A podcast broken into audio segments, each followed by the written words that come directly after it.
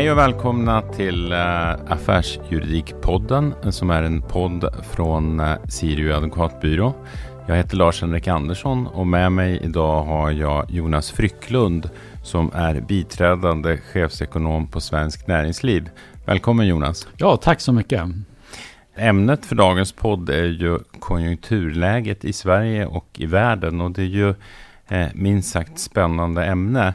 Eh, ingångsvärde på konjunkturläget, om vi tar temperaturen på den, eh, vad skulle du säga att vi, vi befinner oss i cykeln idag? Ja, men vi är på väg neråt. Eh, vi har en lågkonjunktur som, som rullar in eh, både i, land, i Sverige, i landet så att säga, men, men även internationellt i Europa. Eh, så, så det är klart att eh, det är negativa signaler eh, som vi får. Så, så det är väl liksom den eh, övergripande bilden. Men det finns ju mycket att säga om det här, vad det är för typ av Ja, om vi, om vi bryter ner uh, den här uh, in, inkommande lågkonjunkturen då, så säger vi vad, vad är de viktigaste beståndsdelarna i den, skulle du säga?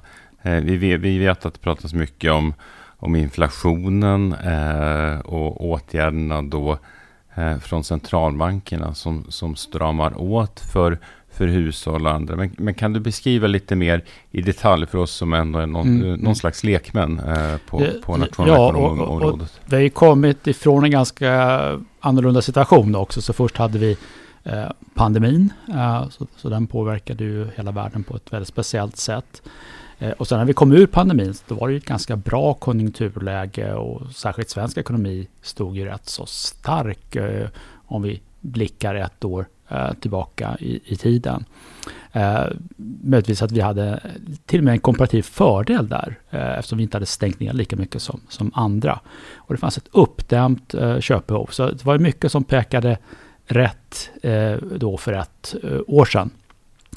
Eh, men eh, sen så blev det ju kriget eh, och angreppet på Ukraina som sen har utlöst många, många andra saker eh, som gör att vi befinner oss nu i en, en mycket svårare situation.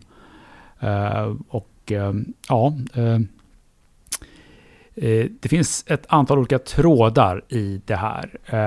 Ska vi börja med inflationen ja, kanske? Ja, inflationen. Berätta om inflationen mm. och förklara Förklara inflationsbegreppet för oss andra. För... Ja, det, det är ju en allmän prisstegring och då kan man säga det att vi har ju inte varit vana vid eh, inflation eh, de senaste decennierna. Så det är lite grann att återupptäcka en, är det en gammal vän kanske, snarare en gammal fiende. Eh, och den har då utlöst utav, utav, utav kriget och ett antal varor som har gått upp mycket i pris. Vi har sett det på livsmedel, på energi Eh, och de har kommit i lite olika faser så att säga. Spannmålspriserna steg redan innan kriget. Eh, och sen så fick vi en oljeprischock precis i samband med kriget. Det har börjat lä lägga sig. Och sen nu väldigt fokus på, på elpriserna och naturgas. Eh, och det här är ju väldigt viktiga, tunga uh, varor i ekonomin. Så de får då spridningseffekter. Så att om en sak blir dyrare och sen allt man gör utav vete och allt man gör utav olja och elektricitet, då blir nästan allting. Så då sprider det sig och då blir det mer allmänt och då får vi inflation.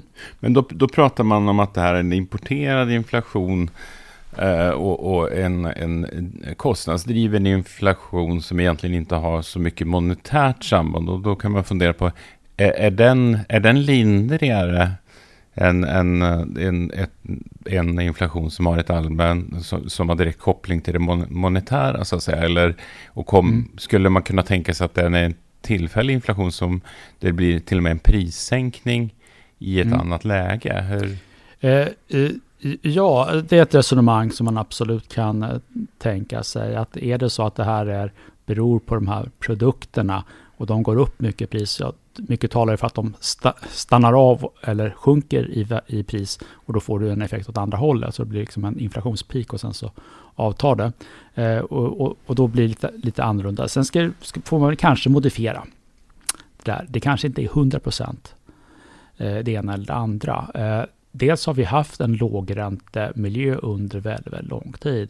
Och det har ju byggt upp en slags inflation som inte har synts, nämligen inflation i tillgångsvärden. De här jättehöjda bostadspriserna, aktievärden och sådär. Det är också en slags inflation som är ett monetärt fenomen och det finns ju här och där är väl eh, juryn ute. Vi vet inte riktigt hur mycket det där kommer att eh, orsaka länge med långsiktiga problem. Eh, och sen skulle jag väl lägga till att eh, eh, vi påverkas mycket av den internationella situationen och i USA så är inflationen trots allt bredare. Där är det inte bara den här krigseffekten utan där är det också så att eh, det är något av en boom på arbetsmarknaden och annat som har gjort att inflationen där är ett bredare och då monetärt eh, fenomen. Nej, för det, det, det, har man ju varit med om att man har blivit bemött av nationalekonomer som säger att Nej, men det, här är ingen, eh, det här är inte samma risk därför mm. att eh, inflation är ett monetärt samband och det här är någonting annat. Och då, då mm. frågar sig vän av ordning då, du gav ju delvis svar på det genom att säga att det, det är utbudspriserna som har förändrats. Men, men man kan ju fundera på, nu har, nu har eh, Eh, centralbankerna i vad är det, snart tio år öst ut pengar mm. på oss och på, på hushållen. Eh, och om inte det är ett monetärt samband, då, mm. eh, vad, vad, är då ett monetärt samband när man har öst ut så mycket pengar skulle man kunna säga? Ja, ja och precis. Och nu ser vi då räntehöjningar och, och egentligen så kan man ju säga att det enda vi ser vad det gäller räntehöjningar det är bara en viss normalisering av läget. För att det är ju inte eh, vettigt att att eh, priset på pengar är noll i längden. Eh, det, det skapar problem i ekonomin, obalanser. Eh, och centralbankerna vill nu väldigt gärna höja räntan så att de kommer närmare ett, normalt läge. Och det känns, det påverkar väldigt mycket och skapar oro bland ja, både företag och hushåll. Eh, men det är ju också något utav ett sundhetstecken att, att man eh, höjer och normaliserar räntan. Och då, och då blir det väl så att, eh, och det är väl det som är tanken, att man håller tillbaka konsumtionen när räntorna höjs och så ska man kyla av ekonomin. Och, eh, ekonomierna idag är väl otroligt konsumtionsdrivna. Vi är beroende av konsumtion hos hushåll framför allt för att hålla så att säga, hjulen igång och hålla, hålla ekonomierna uppe. Mm. Eh, ja, och då ska man väl tänka på det här med konjunktur då. Att eh, målet är ju inte alltid att eh, så här, maximera den kortsiktiga tillväxten hela tiden, utan det vi vill ha är ju någon slags eh, jämn uppåtgående eh, tillväxt i, i ekonomin. Och att vi då har en konjunktur där det ibland är lite överhettning och ibland är lite lågkonjunktur. Det är i sig inget konstigt, det är nog oundvikligt. Eh, så att ha en lågkonjunktur som följer efter en högkonjunktur, det är ju alltså då inte fel. Eh, utan det som man, om man försöker påverka den ekonomiska politiken, vill undvika, det är ju extrema situationer. Alltså att, att en lågkonjunktur Eh, utvecklas till, ett, till en mer tydlig kris, då finns det anledning att börja agera emot. Men bara för att det går sämre, bara för att det är stramare, bara för att det är lite jobbigare, eh, innebär inte att eh, eh politiken varken kan eller bör eh, gå in och försöka finjustera det där och alltid blossa upp tillväxten till varje pris. Och nu är det är ju en annan värld idag då jämfört med när, när, du och jag växte upp. För när du och jag växte upp då var det ju Eh, politiken som bestämde allt och finanspolitiken eh, eh, var en väldigt tydlig faktor i konjunkturutjämningen. Mm. Och det var även politikerna hade en helt annat, ett helt annat inflytande över penningpolitiken. Idag är det tvärtom. Det är penningpolitiken som ska vara den stora konjunkturutjämnaren och, och rädda oss. Men har, har politikerna och finanspolitiken lärt sig, lärt sig anpassa sig till den här nya världen och lirar de här två två tillsammans på, eh, i, i den nya världen så att säga på ett bra sätt som du ser eller? Eh, det, eh, det, det sker väl liksom olika rörelser att under 70 80-talet så hade vi väldigt stora problem med den ekonomiska politiken. Det, det fungerade inte vare sig med finanspolitik eller penningpolitik. Och sen kom det åtstramningar där man la så här rollen i huvudsak på penningpolitiken. Nu kan man väl säga att finanspolitiken är väl Eh, Eh, gör väl delvis en viss comeback. Ehm, och eh, eh, det ska ju bero på att vi i grunden har starka och stabila statsfinanser och ett eh, finanspolitiskt ramverk. Så förtroendet finns för den svenska ekonomin och då kan man agera till viss del finanspolitiskt. Eh, och sen har vi också gjort det under pandemin när det varit en extrem eh, kris. Så att det, det finns eh, absolut utrymme för finanspolitik, men finanspolitiken kommer nog inte ta över, över, över penningpolitiken, utan penningpolitiken är ändå så grund, grundmomentet i den här utjämningen. Det är ju ganska intressant att hel, hela den västerländska demokratiska världen har bestämt att lägga det här i händerna på centralbankerna eh, och penningpolitiken så, som är så viktig. Man skulle kunna säga att ja, men är det demokratiskt? Eh, mm. men, men, det, verkar, det har ju hittills funkat, kan man väl säga. Eh, ja, och eh, lite grann är ju det som är poängen. Pol politiken har ju själv förstått att det kan vara bra att ha vissa saker på armlängds eh, avstånd. Eh, för att om det skulle då vara exempel räntor som skulle sättas av eh, valda politiker så skulle det vara svårt att fatta obe, obekväma beslut. Men nu så, så, så är det experter som tar de besluten. Då, då blir det inte lika laddat och då mindre risk för fel, felaktiga beslut. När vi ändå pratar om, om politik, så en, en väldigt viktig faktor i, i, i eh, det som driver inflationen idag, det är ju elpriserna. Mm. Eh, ska vi, ska vi mm ta lite om dem också. Ja, precis. Vad, vad, den första frågan är ju, alltså, jag tror att de flesta svenskar idag vet så att säga hur, hur elpriserna sätts. Eller fler fler, vi har blivit väldigt mm. pinsamt medvetna om det mm. kanske under, under, den sista tiden med de här fyra elprisområdena och så vidare. Men, men vad, vad, kan man göra där så att säga för att både för att lindra för, för tung industri och annat och eh, ser, du, ser du någon lösning eller kommer den här vintern att bli eh, grönjäklig helt enkelt. Ja, ja, precis. Och det har ju svängt lite åt olika håll. Och som jag ser på de allra senaste siffrorna så har ju elpriserna börjat komma ner en del. Eh, så, så, att, eh, eh, ja, det, det, man kan säga är att vi har hamnat i en situation där vi har ganska stor obalans i vårt elsystem. från att har haft ett stabilt system så är då hela södra Sverige så säga, beroende av tillförsel av el och, och, då ska den komma, komma norrifrån och då räcker inte överföringskapaciteten. Och det, den här ostabiliteten eh, som då är orsakad av oss själva genom nedläggning av kärnkraften eh, gör att vi blir mer beroende av eh, hur elpriset sätts eh, söder om oss i Tyskland. Eh, och det driver upp priset och särskilt nu då i den här krigssituationen så eh, får vi höga priser på naturgas. Eh, och det här naturgaspriset leder till ett högt elpris och då sprider det sig till, till södra Sverige. Så, så, så fungerar det och det har varit riktigt höga priser. En sak som hushåll och företag då just att man börjar lära sig. El har ju sett som en väldigt billig basvara som alltid har funnits. Så att säga. Nu, nu är det höga och varierande priser. Ehm, eh, många går ju över till tim, eh, timavtal eh, där man kan anpassa sin elkonsumtion efter dygnet eftersom priserna kan variera väldigt, väldigt mycket timme från timme. Eh, och det är i sig någonting som höjer effektiviteten att ha, att ha fler konsumenter på, på timmar. Eh, så det är ju en, en sån lösning som man kan göra. Det är väl fortfarande så att vi nettoexporterar el va?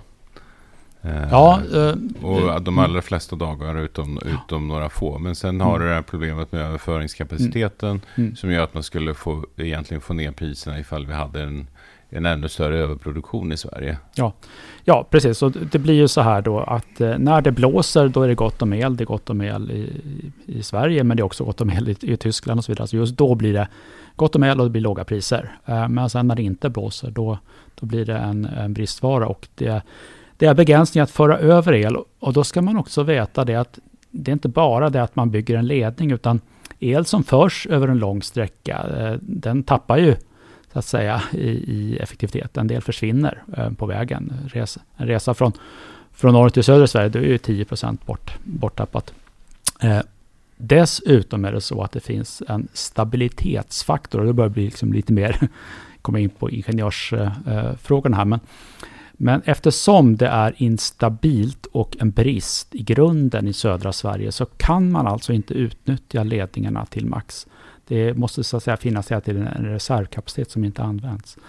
Eh, så att, eh, det är därför som det är en så pass bra metod att eh, bygga ny planerbar kraft i södra Sverige. För då är det inte bara så att du får att säga, mer kraft från den enheten. Du kan dessutom föra över mer från norr. Så man brukar säga att det är en utvecklings på 1,5. Så om du bygger ett nytt kärnkraftverk i söder då kan du föra över ett halvt kärnkraftverks el ifrån norr på grund av ökad stabilitet. Mm. Nu är ju Svenskt Näringsliv inte kända för att, att, att gilla politiska ingrepp. Eh, och är frågan, frågan till dig då blir ju, ska, ska marknaden lösa det här själva helt utan insatser? Eller är det någonting som, som eh, politiken ska stå för och staten ska göra investeringar med skattebetalarnas pengar? Eh, jag skulle säga så här att eh, eh, elmarknaden och energimarknaden har ju alltid varit marknader inom ramen för en, en, en, statlig struktur. Den är ju riggad på något sätt. och en sak som inte har funkat är att man inte fått betalt för de här tjänsterna i form av stabilitet till elnätet. Den typen av mervärde som vissa producenter ger har de inte fått betalt för. Eh, så att eh, man har fått betalt per kilowattimme eh, oavsett om man bidrar eller inte bidrar, eller snarare in, ja, bidrar till ökad stabilitet eller instabilitet. Och det där går ju att ändra på. Så att vi kan utveckla marknadstänkandet genom att ta hänsyn till den typen av faktorer. Och då blir då planerbar kraft mer, mer lönsam i sig. Sen skulle jag vilja ändå lägga till att det finns ju en stor politisk risk eh, för den som skulle vilja bygga eh, ny kärnkraft. Eh, för det är någonting som kanske ska hålla i 80 år. Eh, affärsrisken kan man ju ta själv som företag, men den politiska risken att det kommer en ny majoritet som lägger ner ditt eh, nya kärnkraftverk, eh, den är ju omöjlig att hantera som företag. Eh, och där måste man hitta något sätt att binda upp staten. Eh, Eh, och exakt hur det ska gå till, det får man fundera på. Men, staten måste på något sätt verkligen ta ansvar för sin egen Men det är väl samma, samma sak egentligen för de som har planerat stora havsvindsprojekt eh, här och som får lägga ner de planerna nu om det om man säger att det blir inga förbindelser med, med stomnätet. Ja, ja det, jo, det kan det ju vara, men det är mindre summor och det, det är ju inte eh, verk som redan har byggts, som inte får ansluta sig eller som måste läggas ner efter de har byggts, utan det är kanske planeringskostnader kanske. Mm. Eh, men, men eh, kärnkraftverk är ju väldigt, väldigt stora saker, väldigt långa ledtider. Eh, så det, det behövs någon typ av eh, bortlyftande av den här politiska risken. Och det kan ju ske på olika sätt. Och det kommer alltid vara så att eh, industrin och näringslivet vill alltid ha billig el. Det kommer alltid att vara, vara viktigt för, för dem förstås. Det har ju varit en jätteviktig konkurrensfördel för Sverige. Vi har haft stabil tillgång till eh, billig el. Eh, och det har gjort att vi har kunnat hantera annat som varit dyrare, till exempel längre transportavstånd till våra marknader eller ett högre allmänt löneläge i och med att vi har haft den här elen som fördel så har det varit lättare att få kalkylen att gå ihop. Om man eh, flyttar på det där, till exempel så har det kommit vissa då livsmedelsföretag som har sagt att Nej, men vi, vid de här höga elpriserna kommer vi att flytta en del av vår produktion till andra länder som Danmark och Tyskland. Ja, men det, frågar jag, men det är ju högre elpriser där. Jo, fast om det är samma elpris ungefär då i Tyskland som i Sverige, då har vi ju ah, de andra kostnaderna som är högre i Sverige. Så, att, så då måste man då kan man inte ha den fördelen att kompensera det. Så då kan det vara lönsamt till och med flytta åt det hållet. Eh, en, annan, en annan fråga när det gäller elpriserna, det är ju eh, eh, det, det, det, som händer nu och det som händer, vi har ju precis haft ett val, det är ju att eh, eh det kommer krav på och politikerna säger att eh, nu, nu ska vi kompensera. Eh, finns det något bra sätt? Jag menar, det är klart att om, om det blir extrema toppar och väldigt kallt i vinter så kommer det här behovet att, att, att vara skriande och det kommer att vara ett väldigt tryck på framförallt regeringen då. Finns det något sätt som är bättre än något annat och anser, mm. anser du eh, att, att eh, politikerna ska gripa in här om det blir en riktig mm. elkris, som en tillfällig elkris så att säga? Eh, ja, jag tycker man bör agera, men man kan göra på sätt som är mer eller mindre bra. Eh, vi har ju då de här avgifterna, eh, kapacitetsavgifter, en del säger flaskhalsintäkter, eh, som har kommit in på ett konto på Svenska kraftnät. Och det är ju så att med de här fyra elprisområdena, så, fort el skickas från det ena till det andra området och det finns en prisskillnad, då har ju då det här eh, kontot tagit hela vinsten vid överföringen. Så att de har ju gått in där. Och det, det var kanske en miljard per år från början. Och de var tänkta då att gå till att bygga nya ledningar så att det, man förbättrar eh, överföringskapaciteten. Men nu här plötsligt, i den här extrema situationen, så har det ansamlats enorma mängder. Jag vet inte exakt vad senaste siffran är, men nere 80 eller 90 miljarder. Eh, och det går inte att bygga ledningar för 80 eller 90 miljarder. Svenska kraftnät säger ju själva att de här pengarna, det är inte deras, det är inte statens. Eh, utan det här eh, tillhör då eh, Eh, elförbrukarna. Det är deras pengar som ska gå till deras nytta och väl och ve. Och kan man då inte bygga nät för dem eh, eller göra någonting annat vettigt, eh, då får man göra en återbetalning. Och det som vi ser som rimligast är att man betalar tillbaks beroende på vilken förbrukning man har haft historiskt sett. För de har fortfarande ett incitament att spara el i vinter. Som återbetalning beror på hur mycket du förbrukade 12 månader tillbaka i tiden. Eh, så kan du ändå då tänka att ja, men nu vill jag spara pengar framåt eh, genom att dra ner eller effektivisera. För det är väl just det där som är tricket, att kombinera i så fall ett bidrag med incitament för att mm. spara el. Därför att det vore ju vansinnigt att i den här situationen så att säga, elda på, om man får använda uttrycket, ja. eh, eh elkonsumtionen. Ja, ja precis. Det, det, det är ju så att det, klart, ett högre pris gör ju att folk blir mer sparsamma och det har, har vi sett eh, effekt. Eh, men de här pengarna kommer ju inte att räcka till att eh, dra ner elpriset till någon jättelåg nivå. Det kommer ju fortfarande vara fråga om höga kostnader som vi ser. En, en, annan fråga som man kan ställa sig i samband med det här eh, politikens ingrepp då eh, när det gäller elpriserna. Och om vi tittar tillbaka, vi hade pandemin med massor av stöd så att egentligen mm. ingen skulle, skulle lida. Håller vi på att skapa någon form av samhälle där vi är vana, vana med att, eller gett oss en vana av att bli skedmatade från politiken så snart det blir en liten buckla i, i Eh, den ekonomiska utvecklingen? Eh, nej, men jag, jag, tycker att du ställer frågan så är egentligen ett positivt svar. För det, jag, jag tror många som inser problemet om vi skulle hamna i en sån situation. Eh, och de företag som jag träffar, de är ju absolut inte inne på det här med stöd. Alltså det är ju, det är krångligt, man vet aldrig vad man får. Ska man lägga massor med energi och byråkrati på ansökningar? Alltså det är ju, stöd är ju faktiskt inte så populärt i allmänhet. Sen finns det säkert några som har gjort det till, till, eh, till en business i sig, att lära sig söka stöd. Så, så vi har inte riktigt den eh, kulturen, ska jag säga, och det ska vi vara glada för.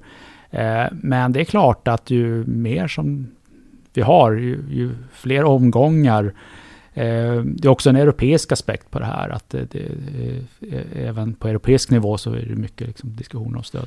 Så att det, det gäller att vi inte hamnar i den situationen. Och, för det, det, skulle bli väldigt ineffektivt.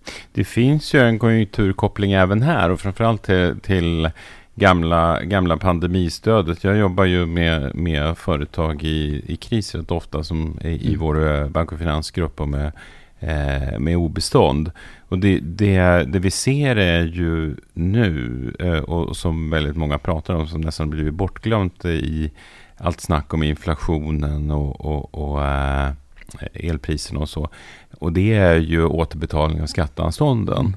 Eh, och där hade, det var ju inget rent stöd och många sitter idag, företag man träffar sitter med, med eh, anstånd på upp till 25 miljoner som ska betalas.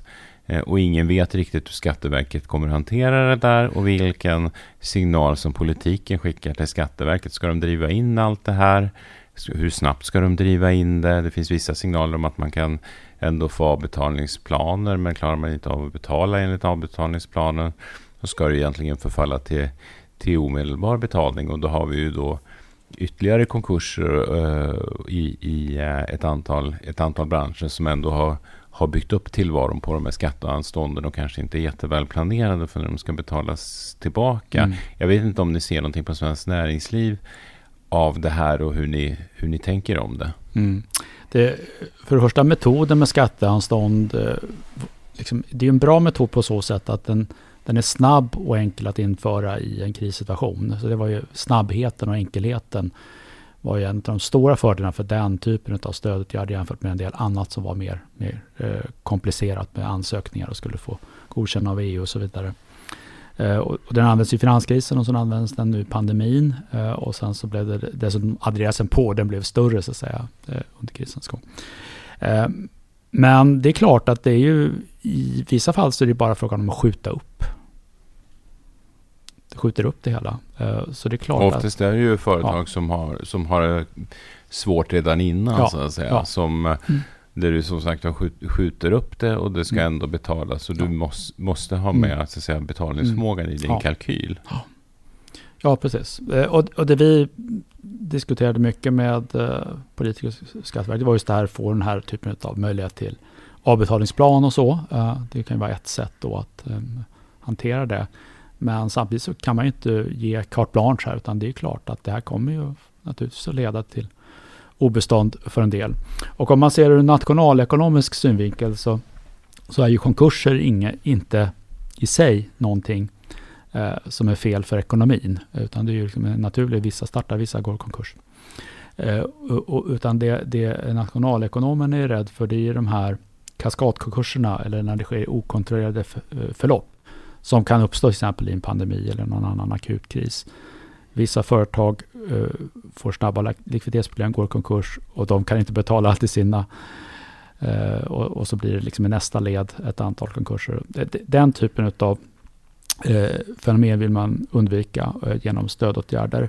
Eh, och då blir det ju så att sen efteråt när det ska städas upp och det uppstår konkurser, då är de här spridningsriskerna inte lika påtagliga. Nej. Vi såg, vi ser ju nu, alltså det vi ser och det vi såg medialt. Ja, dels har vi sett några hotell och restauranger, eller restauranger framförallt, restaurangkedjor som har mm. gått i rekonstruktion. Indiska, Indiska gick i kommer, ja. konkurs mm. igår, mm. som satt med ganska stora, mm. stora skatteanstånd.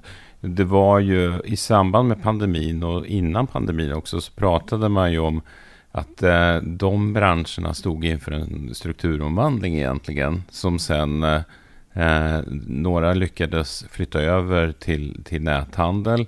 Eh, sen kom det tillbaka lite, så att säga, den IRL-handeln kan man mm. säga i, mm. inom retail.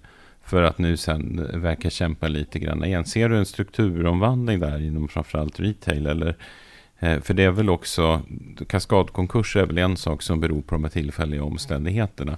Men den här naturliga delen av ekonomin, det är ju oftast att eh, det, det är någon form av förändrat beteende eller så som, mm. som, som ligger underliggande. Ser du någon form av sån strukturomvandling som ligger parallellt med den här lågkonjunkturen? Ja, ja, det är klart att det sker en strukturomvandling och nu har det här blivit stört. Liksom, det kanske var ett mer stadigt förlopp eh, tidigare och nu så blev det stört. Det blev helt plötsligt väldigt mycket digitalt och sen kanske det blev liksom en, en tillbakagång när en del av den digitala affären försvann och sen kommer det naturligtvis att börja växa igen liksom från på en, en mer lagom trendlinje. Eh, eh, det här vet ju de som är i branschen, de känner ju av det här naturligtvis och har ju egentligen mer information än man kan se på makronivå.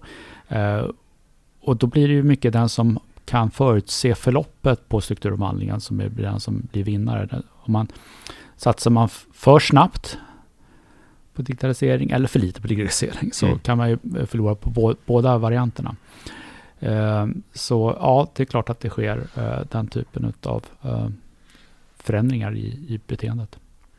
Eh, en annan fråga, vi, om vi blickar framåt lite grann och som många säger är avgörande för eh, om det ska bli värre eller inte. Det är ju den kommande avtalsrörelsen. Och den kan man ju antagligen prata i timmar om. Men har du någon snabb eh, spaning om den? Ja, precis. Jag, jag har ju inte någon direkt inblick i, så att säga, i förhandlingar. Men ja, vad ska man säga, vi har ju en modell med eh, industriavtalet eh, där de konkurrensutsatta delarna utav ekonomin är de som sätter märket. Och sen så är det det som man får hålla sig till på övriga arbetsmarknaden. Det här har ju varit väldigt framgångsrikt. Vi har ju haft eh, reallöneökningar sedan det här infördes eh, i mitten på, på, på 90-talet. Eh, och nu så har vi en situation där eh, i år ser det ut för löntagarna, alltså inflationen sticker iväg. Eh, Utom för politikerna i Norrtälje då? Vad sa Utan, Utom för politikerna i Norrtälje? Ja, ja, just det. Och han, fick, han fick krypa till korset. Eh, men Eh, så att det, det, är tufft kortsiktigt, men de, det vi märker ifrån våra motparter, alltså de, de delar av fackföreningsrörelsen som är de tunga och som är de som sluter det här viktiga industriavtalet, de är ju med på att vi ska behålla vår modell. Eh, och, så att i principerna så är vi, är vi överens och det, det bådar ju gott inför avtalsrörelsen. Sen kommer det naturligtvis att bli jättemycket kiv och kniv om eh, exakt vad det ska landa för på belopp och sådär. Eh, eh och, och kommer att låta, låta mycket, men jag har ändå en, eh, en viss nervös eh, optimism, ska jag säga, inför avtalsrörelsen. Mm, ja, men det är väl det intryck man har fått när man har, när man har pratat med eh, med, med människor med insikt i, i avtalsrörelsen. Utspelet från LO igår om att man ska ha en samlad, samlad avtalsrörelse, är det bara intern LO-politik eller och finns det skäl att vara oroad för ett sådant utspel eller hur, hur ska man se på det? Eh, nej men det har väl inga hemligheter om att det har alltid varit eh, liksom en, en, en viss svårighet att få ihop samordningen just inom LO. Eh, och än så länge så håller det, så hoppas att det... Men kan man läsa LO-ordförandens mm. utspel igår som att det fortfarande är så att märket gäller och att industrin, industriavtalet ska, ja, det, ska leda? Det, det, så är det. Mm. Det, är ju, det är ju ändå positivt mm. utifrån eh, det nationalekonomiska perspektivet antar jag. Ja, stabilitet egentligen för hela samhället. Eh, en, en, annan fråga, fundering som, som man har som också det pratas mer och mer om och som, som är lite grann av ett otäckt, eh, otäckt scenario i konjunkturutvecklingen. Det är ju, finns det några händelser som skulle kunna slå på finansiella stabiliteten? Eller har man lärt sig av 2008 så pass mycket att eh, det inte händer igen? Och, och eh, det, pr mm. det, pratas ju en del förstås om fastighetsbranschen. Mm. Eh, och, och eh, den nya riksbankschefen och tidigare chef för Finansinspektionen, Erik Thedéen, har varit ute och varnat för det här. Jag vet inte om han ser någonting från insidan som, som, inte, som inte allmänheten ser. Men, men ser, du, ser du någon risk och i så fall hur, vad är liksom worst case scenario för att, för att vi skulle ha en, ett nytt 2008 när det gäller finansiell stabilitet? Mm, mm.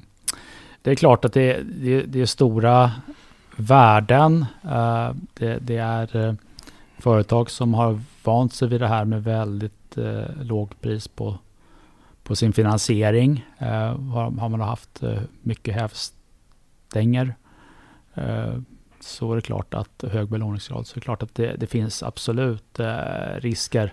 Det kan man inte eh, eh, bortse ifrån. Eh, så att det är klart att det finns alltid någonting som skulle kunna skaka. Men, det är ja, än så länge inte liksom någonting akut eh, som vi kan se. Eh, och eh, om någonting händer är frågan, är det liksom, blir det begränsade eh, effekter eller finns det liksom spridningsrisker? Ja, det är lite svårt att se, men det, men det är klart att eh, det är någonting som man verkligen behöver eh, ha koll på. Bankerna ser ju ut, i, de rapporter mm. de lämnar nu, ser ut att må väldigt bra. Mm. Uh, och hela tiden ökar räntenettot vad det verkar. Mm. Så att, uh, och, och uh, lägger då i, i ladorna kanske. Eller delar, delar ut. frågan är, är, är, bankerna, är bankerna förberedda på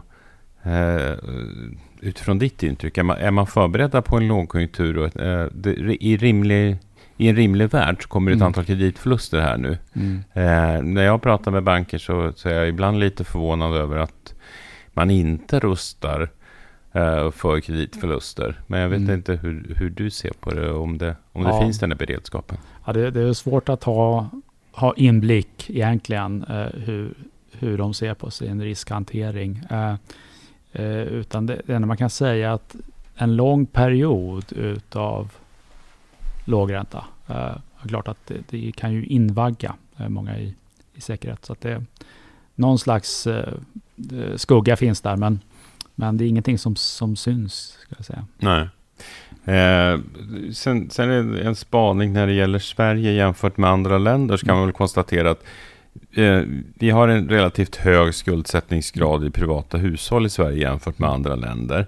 Men statsfinanser då i relativ balans. Mm. Men sen finns det andra länder som eh, där det är precis tvärtom. Att man har en relativt låg eh, skuldsättningsgrad i hushållen. Men, men eh, kassa, kassa statsfinanser istället. Mm. Eh, hur ser du på riskscenarier i de här två olika alternativen? Är vi bättre ute i Sverige, bättre rustade för en lågkonjunktur? Eh, utifrån att vi, vi har den där balansen istället för att ha tvärtom? Eller vem, vem, vilket land eller vilken typ nation är värst ute skulle mm. du säga? Eh, eh, jag, jag, tycker vi i Sverige är väl uh, rustade. Så den höga skuldsättningen bland hushåll, den har också skett i samband med ett ökat bostadsägande. Så det finns också någon, någon slags tillgångsmassa kopplat till den här skuldsättningen. Sen kan man i och för sig säga då att ja, i en krissituation så kan ju tillgångarna falla i värde. Eh, men, det finns ändå någon slags förklaring till den uppbyggnaden. Eh, goda statsfinanser eh, skapar ju enorma möjligheter att agera i en krissituation. Och ja, vi ligger nu på en offentlig skuld på 30 procent av BNP. Det, det är ju nedre intervaller på det här skuldankaret. Vad, vad ligger det på i USA? Ja, det var en bra fråga. Tittar just på Storbritannien, det var över 100 procent. Mm. Uh, och uh, USA väl någonstans där Ännu också. värre eller? Ja. Eller i, samma, ja, i paritet med? paritet med.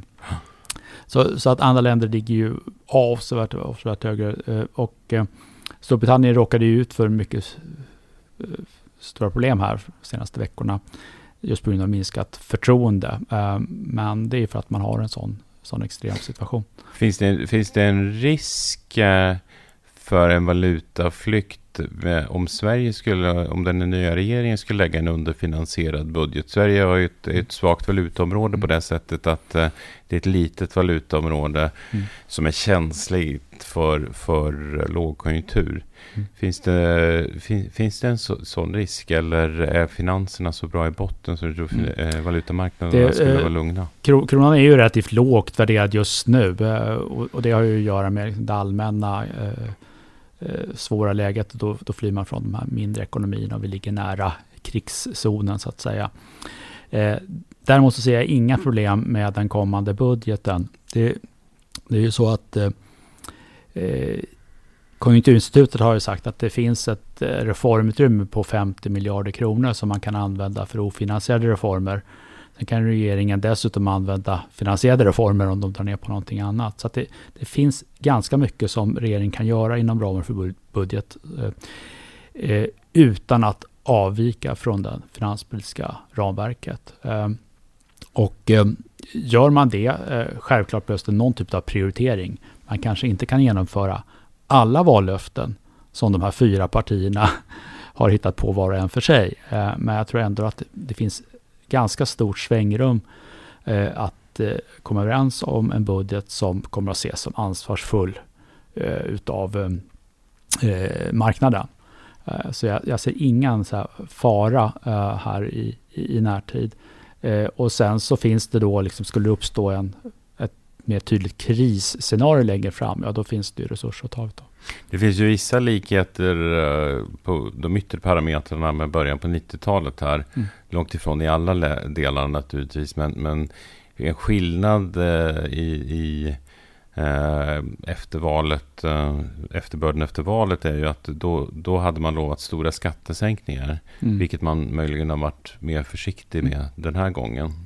Eh, är väl intrycket utifrån. Ja, det, det, är ju inte det som är i fokus, utan eh, vi hoppas säkert på att det kan bli någon typ av skattesänkningar, men det är inte, inte några stora dramatiska skift i politiken, utan man kan förvänta sig att den nya regeringen lägger en budget som är ungefär eh, i samma paritet som den avgående regeringen skulle ha lagt. Det är bara att det är lite annan mix. lite annan inriktning på den. Men den kommer inte avvika i, i, i det stora hela. Nej. Eh, det blir ju lätt dystopisk, dystopisk en sån här podd när man, när man pratar om konjunkturläget och när konjunkturläget är eh, rätt snabbt på väg neråt. Då. Men, men jag kan inte hålla mig ändå från att prata om ytterligare, ytterligare en, ett eh, scenario. Eh, och, och, det är ju det är ju delvis drivet av ett internationellt krisläge i, i Ryssland och Ukraina mm. som är ytterst allvarligt. Mm. Eh, men, men det är väl också så att eh, tidigare under högkonjunkturen så när man pratade om, om game changers så var det ju eh, internationella kriser. Ser vi andra potentiella internationella kriser som, eh, som kan påverka konjunkturläget? Sydkinesiska sjön, andra områden. Va, va, vad ser vi för någonting där? Eh, jaha, precis. Just det. Eh, du, du, var inne på att komma till ett mer positivt anslag ett tag där. Men, men, men först har kriser. Eh, så det, det, är klart att säkerhetspolitiskt så det här med, med Taiwan och Sydkinesiska sjön och Kina. Det, det, det är potentiellt ett, ett, större säkerhetspolitiskt problem för världen än, än Ukraina. Även om det ligger lite längre bort. Så det är klart att det skapar ju en, en enorm oro. Men, men, som ekonom så är det liksom ingenting som tyder på att det skulle utlösa nu. Utan det är kanske mer på den säkerhetspolitiska horisonten. Eh, man tittar lite längre framåt. Eh, men du var inne på någonting om positivt. Eh, mm. Och då kan man säga att det, det, det, är ju alltid så att överraskningar kan komma både åt det positiva och negativa hållet. Och, och då ska man väl säga så här att dels eh, gäller inflation och priser så är det mm. mycket som talar för att det kommer att ske en ganska snabb minskning av inflationen nästa år. Eh, därför att priser kan inte bara fortsätta att öka lika mycket. Så även om de bara stannar av så blir det noll inflation eh, och en del kommer att gå ner och det blir ett tryck neråt. Eh, så det är en sak som gör att det, liksom, eh, det stabiliserar sig lite grann av sig självt på det sättet. Men sen har du ju eh, liksom fredsmöjligheten. Alltså är, är det så att och då tänker inte jag att eh, det här handlar om någon fred där Ukraina ger upp, utan det skulle ju vara sådär, eh, om man lyckas vinna kriget eh, mot Ryssland. Eh, eh, och det kanske inte går jättesnabbt, men det skulle ju kunna hända under nästa år. Eh, då kan det få en väldigt stark positiv effekt på ekonomin, för då, då kan det helt plötsligt vara så att säkerhetsläget se, ser bättre ut Eh, eftersom då Ryssland eh, har tvingats tillbaka och kanske utgör ett mindre hot för oss i framtiden. Så det skulle ju vara eh, det, det positiva scenariot. Ja, det var ju, som... det var ju min, min positiva slutfråga i det här. Så att säga. När, när, tror ni, när tror ni att det vänder? Och vad är, mm. Mm. Finns det något märke där bland bedömare som är någon mm. slags snitt? Får man säga allt annat lika då? Därför att kriget i Ukraina som sagt kan ju ha direkt effekt på konjunkturen. Mm. Eh, men där det finns någon slags normalläge när vi kan se att det, det vänder uppåt igen. Är det i slutet av nästa år eller är det 1920, vad blir det, 2026? Förlåt, inte ja, 1926. Eh, nej, men precis. Alltså det, det, kan mycket väl vara så att, eh, att det vänder uppåt i slutet på nästa år. Det, det, det ska jag kunna tänka mig. Om det inte kommer något ytterligare sak som, som förvärrar situationen. Mm. Eh, så, så kan, det, kan det vara. Mm. Ska vi säga tack med de slutorden eh, med ett positivt anslag innan jag hinner gå in på någonting mer negativt? Ja, det är klassiskt sätt att sluta. Jag tycker det låter jättebra. Då gör vi så. Tack så jättemycket Jonas. Mm, tack.